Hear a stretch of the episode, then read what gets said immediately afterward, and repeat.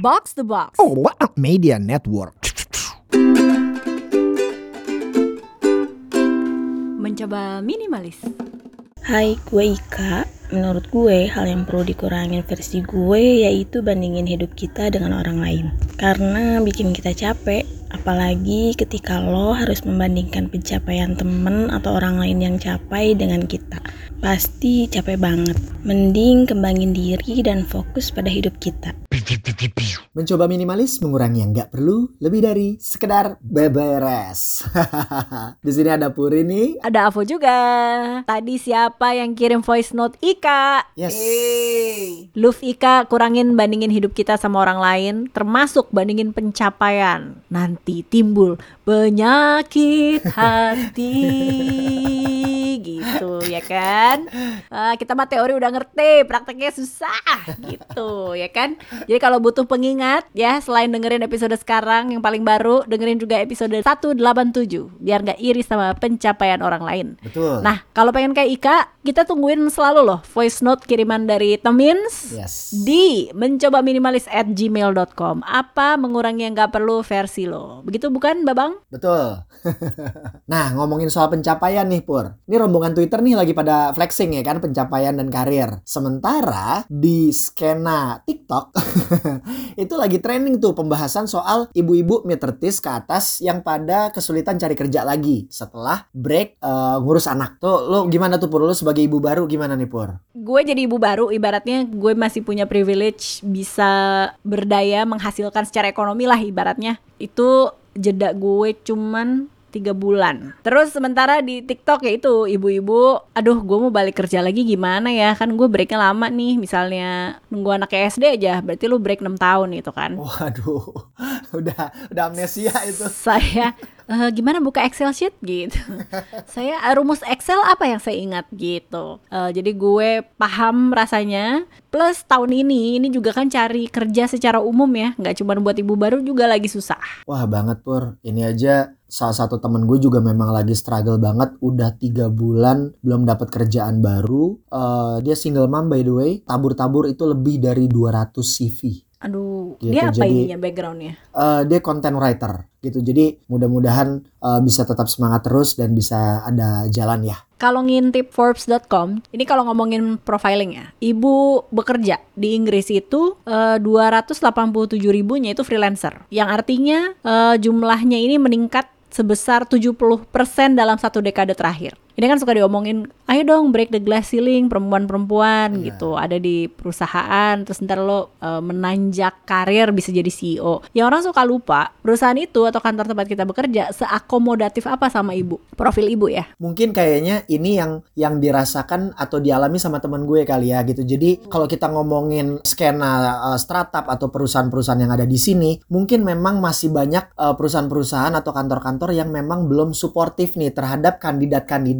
dengan status atau profil sebagai single mom. Mungkin ya, gua gua bisa aja salah ya gitu. Tapi kan kadang yang uh, dicurhatin ke gue tuh salah satunya adalah uh, perihal range umur pur. Aduh, iya. Ah, sih. perihal range usia pur gitu. Jadi dari segi kualifikasi masuk, tapi karena range usianya let's say kurang begitu sesuai, either itu akhirnya teman gue jadi urung atau ya dari HRD-nya, filteringnya ya main babat alas aja udah nggak ngelihat kualifikasinya lagi gitu. Jadi lihat dulu umurnya dulu gitu. Ya ini sih memang PR juga ya buat para HR division, HR officer di luar sana eh, gimana caranya agar bisa menyerap tenaga kerja yang memang baik ini freelance eh, atau in-house ya gitu. Gimana caranya agar bisa menyerap yang pas gitu, sesuai dengan yang diperlukan. Iya betul dan ini tuh bukti bahwa nggak akan ada yang mikirin kelangsungan pekerjaan atau karir kita selain kita sendiri sih. Itu dia tuh. Makanya kalau kita ngobrolin soal berdaya nih, masih di ini ceritanya masih di Inggris nih, nyambung dari insight lo nih. Ibu-ibu yang kerja sebagai uh, freelancer itu juga memang berkontribusi tuh ternyata secara finansial gitu. Jadi istilahnya di sana tuh mompreneurs ya. Istilah ini dipakai untuk menggambarkan perempuan terutama yang punya anak ya, yang jalanin bisnis, uh, itu mereka menyumbang kurang lebih 7 miliar pound setiap tahunnya ke ekonomi Inggris. Gila nggak tuh?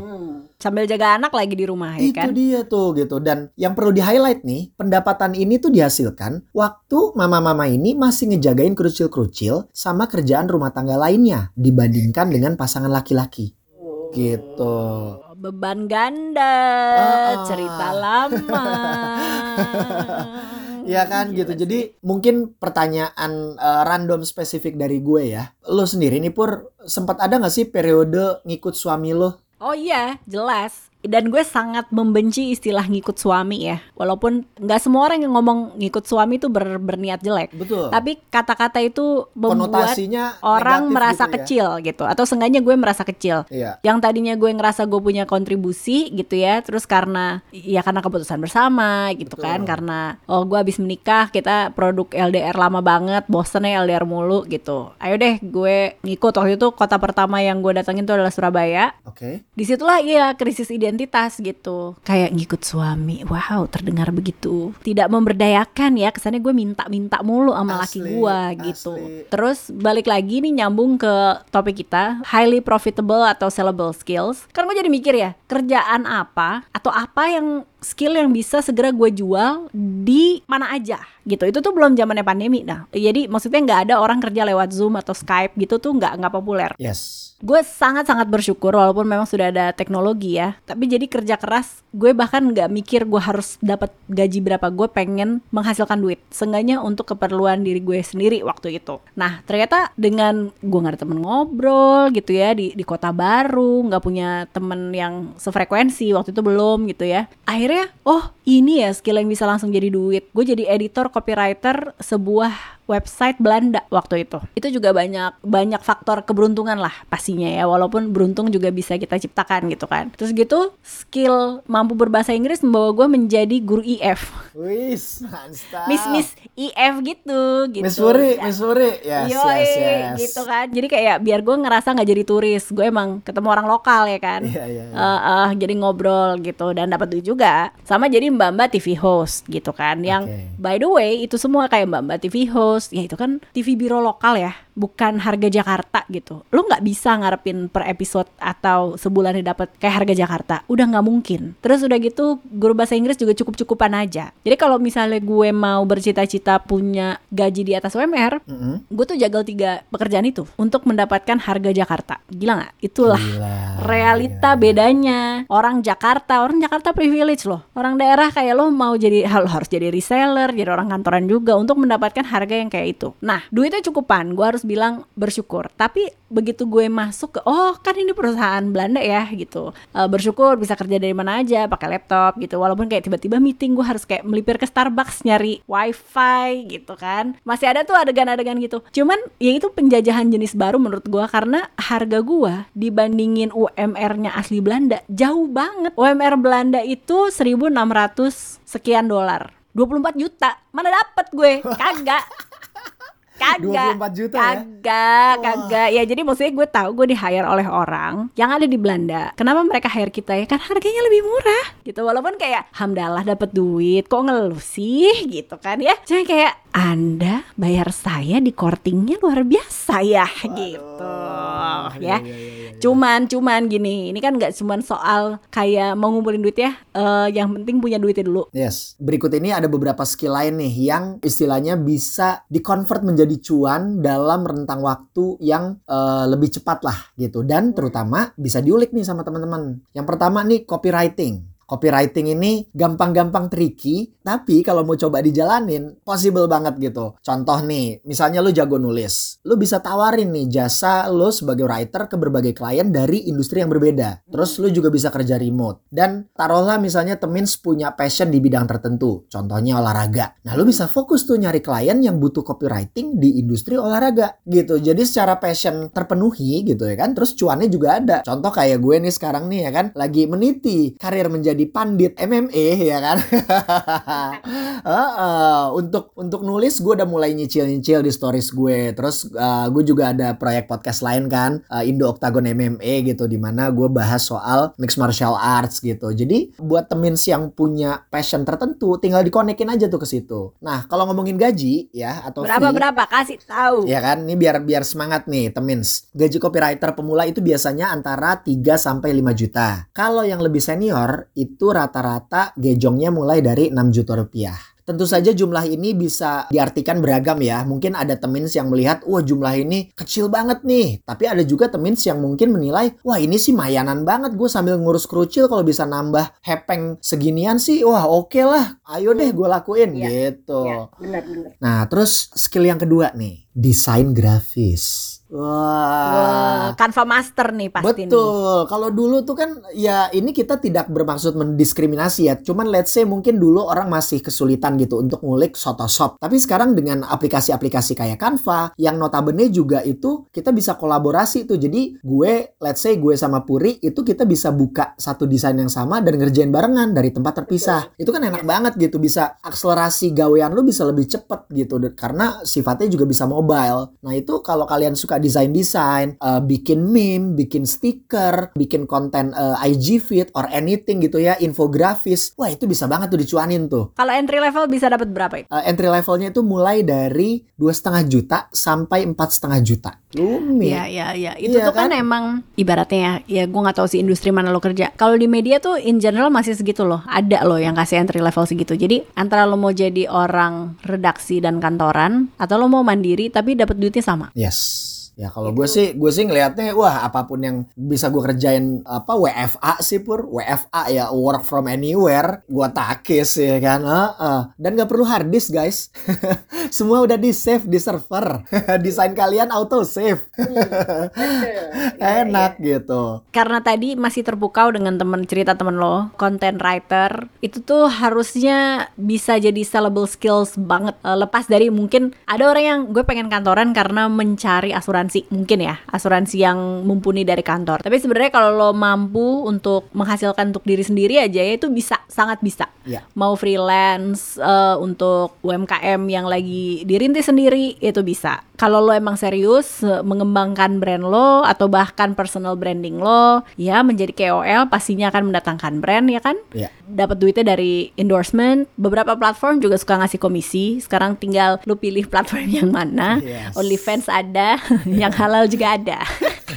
itu pemasukannya bisa 500 ribu sampai puluhan juta rupiah tergantung ya. benar Um, Benar nah balik banget. lagi social media management atau lo mau jadi officernya aja jadi manajernya ya jadi lo nggak mempromosikan elunya Iya gajinya masih UMK wilayah masing-masing 3 juta yes itu kalau entry level kalau udah cukup jam terbangnya nambah gitu ya jadi social media specialist sudah profesional itu bisa 7 juta bahkan lebih Sabi banget dan industri ini juga memang akan terus berkembang gitu kan Pur. Jadi tinggal gimana teminsnya nih nguliknya gitu. Di sini juga memang pentingnya untuk uh, membuka diri dan membuka jejaring gitu. Jadi silakan ngulik komunitas-komunitas baru, ketemu sama orang-orang baru gitu biar temins nih bisa lebih fresh lah. Karena selama ini mungkin terutama buat temins yang memang ibu-ibu baru lagi ngurus kerucil, masih juggling ya kan, berusaha survive dari hari ke hari. Setidaknya ketika ada target lain gitu, semangatnya bisa beda tuh pasti tuh. Kalaupun misalnya daerah atau range pergerakan temin sini, let's say masih terbatas, cuman baru bisa di kompleks sendiri atau paling mentok di komplek orang lah gitu. Itu juga bisa ngulik tuh, jadi guru les atau tutor. Masih laku itu. Ah, ah, masih masih laku gitu. Karena ini dari eh, Jakarta Post ya guru les atau tutor di Indonesia itu masih bisa jadi solusi alternatif buat siswa yang pengen ningkatin prestasi akademik mereka. Karena ya selain mungkin memang siswanya juga punya motivasi setidaknya dari orang tuanya sendiri juga pasti akan lebih prefer daripada gue kirim anak gue ke sini ke situ. Terus ntar dia bolos ntar dia apa kalau gurunya atau tutornya bisa gue datengin ke rumah kan lebih enak ya gitu. Lebih Iya. tenang lah gitu. Jadi buat temin let's say ada yang jago matematik atau kayak Puri nih misalnya jago bahasa Inggris atau misalnya bisa main alat musik. Nah itu wah sekalian dicuanin tuh. Apalagi let's say untuk anak-anak berkebutuhan khusus ya itu rate-nya bisa beda tuh. Per jamnya bisa beda tuh. Kalau kita ngomongin cuannya ya ini kalau dari Jakarta Post juga jasa tutor ini memang beragam banget. Ada yang mulai dari 25.000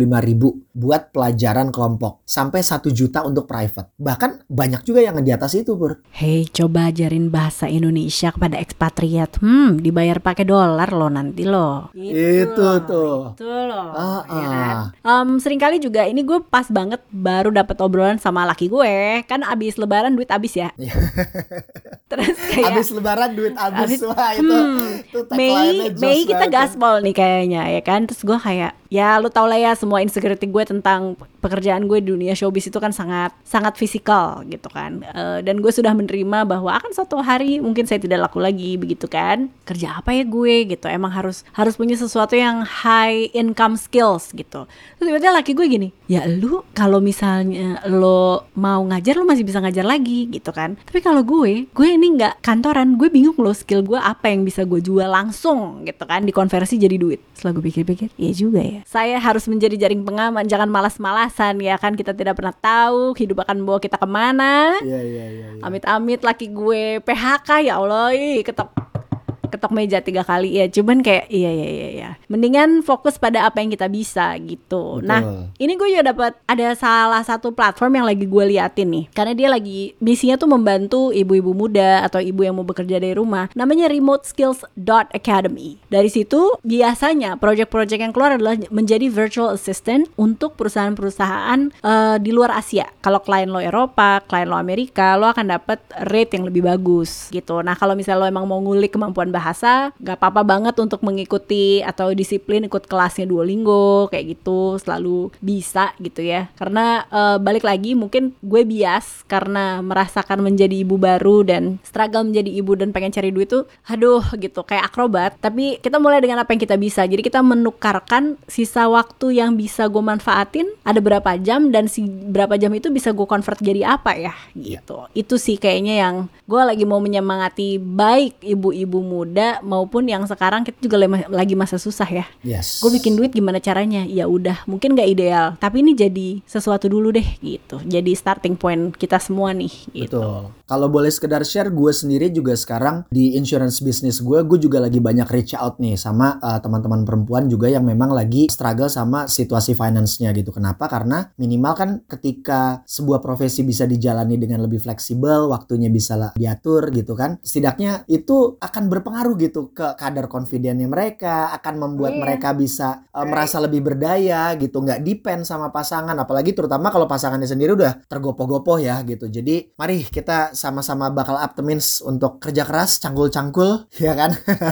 Karena sebetulnya gue percaya tiap orang itu pasti punya skill dan keahlian uh, masing-masing, baik itu yang sifatnya natural atau yang memang bisa dikulik perencanaan karir itu memang penting banget ya. Baik itu buat yang belum nikah atau setelah nikah. Biar setelah melahirkan dan punya anak, misalnya kalau decide punya anak, ini mama-mama atau uh, papa-papa itu nggak stres, ya kan? Dan uh, atau tidak mengalami tuh uh, rasa nggak percaya diri gitu buat nyari gawean lagi gitu. Bahkan step-step menjadi sugar baby aja ada. Betul. Jangan sampai kalah sama dedek-dedek gula di luar sana. Mereka itu jago banget memanfaatkan sosial media untuk menjaring target marketnya, alias papa-papa gula. Uh, uh. Uh, uh, itu semua pakai strategi loh, bukan yes. yang mikir loh. Betul, iya kan? betul. Uh, uh. Jadi, mari embracing the technology, yes. the Internet of Things, cenah. Iya. Yeah. Gitu. Kalau suka episode ini, jangan lupa share ke teman yang butuhin. Sekalian ditunggu banget nih review bintang limanya di Spotify lewat HP lo. Lu juga boleh nih share gimana pengalaman lu jadi ibu baru yang pernah karir break. Langsung aja kirim DM ke @mencoba minimalis. Sampai ketemu di episode berikutnya. Puri out. What's Bye for now. Mencoba minimalis.